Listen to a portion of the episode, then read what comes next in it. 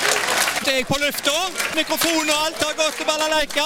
Da er det Balalaika med Alf Henden i studio, og vi ser på historiske hendelser i uke 42. Ja da, begynner med en fødsel jeg, i dag fra 1833. Alfred Nobel, svensk kjemiker og oppfinner, blant annet av dynamitten.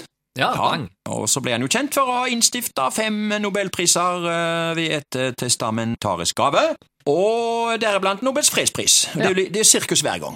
Da kommer Ja. noen ut døra der og liksom skal begynne å lese opp hvem som har vunnet. Ja, Det er og jo eh, denne en- gangen så er det jo Ja. Nei, jeg, f- jeg savner fremdeles Torbjørn Jagland, jeg, der, altså. Du gjør det, ja. var jobben hans, altså. Ja, det var jo det. Det skal være Jagland som deler ut den prisen, men Ja, sånn er det ja, bare. ja, ja.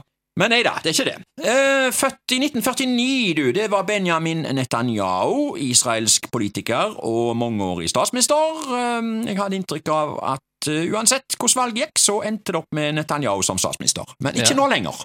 Nei, det går litt fram og tilbake. Ja, eh, ja, kan han gjøre like kan han, Hvem har flest comeback, egentlig, av han og Berlusconi?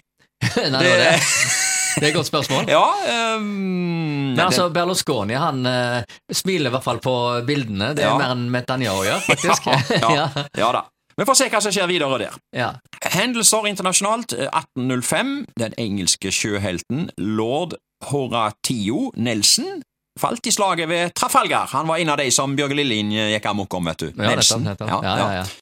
1967 eh, det samla seg 100 000 demonstranter ved Lincoln Memorial i eh, Washington DC. Memorial heter det. Memorial ja, Yes. i Washington DC i protest mot Vietnamkrigen.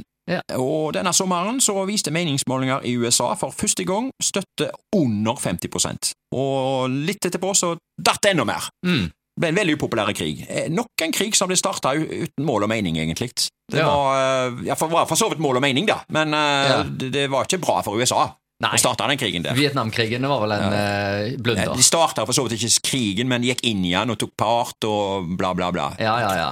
Lang historie kort, det gikk til helsike. Ja. Ja, ja. ja, ja, men det ble mange gode filmer av det. det gjør det jo. Ja. Rambo-filmer, blant annet.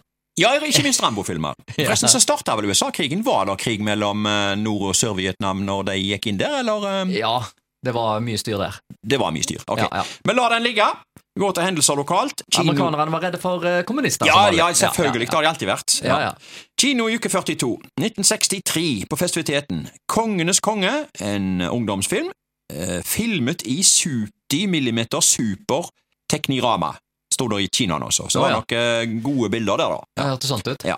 På Håndverkeren gikk eh, Jungeldronningen, en barnefilm, og så var det en voksenfilm, En fremmed med revolver, en eh, Randolph Scott i hovedrollen der.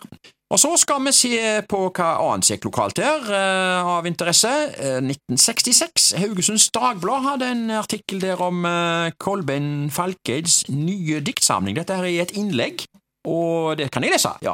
Det er med stor interesse vi gikk til lesningen av lektor Kolben Falkeds nye diktsamling, som han har gitt den enkle tittelen Vi.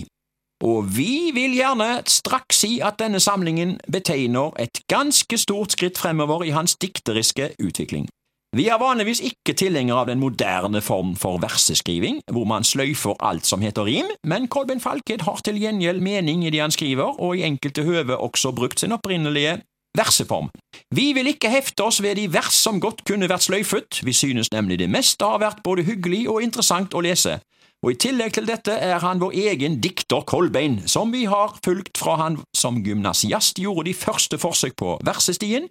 Vi sier lykke til videre, og så er det undertegna OEO, eh, og det er initialene der står for Otto Emil Olsen, som var avisens eh, redaktør i Haugesunds Dagblad. da. Dette har jeg nå sitert fra eh, Kim Kakor-bøkene til Torin Vormedal. Ja, men altså, apropos han eh, Kolben Falked, altså på den tida der så var det tydeligvis at alle dikt skulle være på rim, Mm. men Kolben Falked, han tråkka opp nye stier.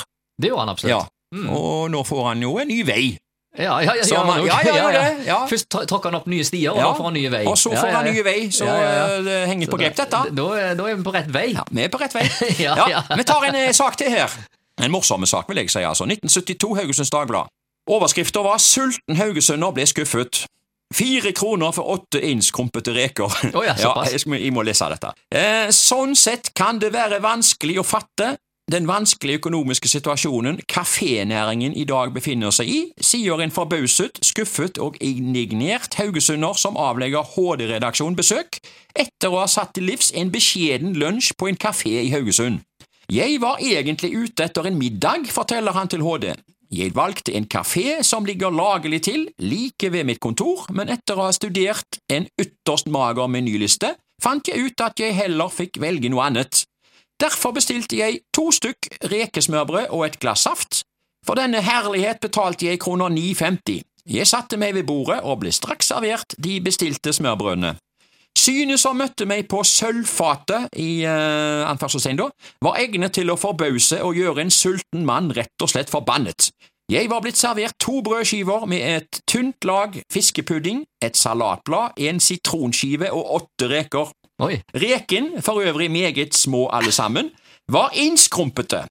Går det virkelig all anstendighetsnavn og an å servere dette som rekesmørbrød, og attpåtil forlange fire kroner stykket? Ja, ja, ja. Ja, hva skal vi si til dette?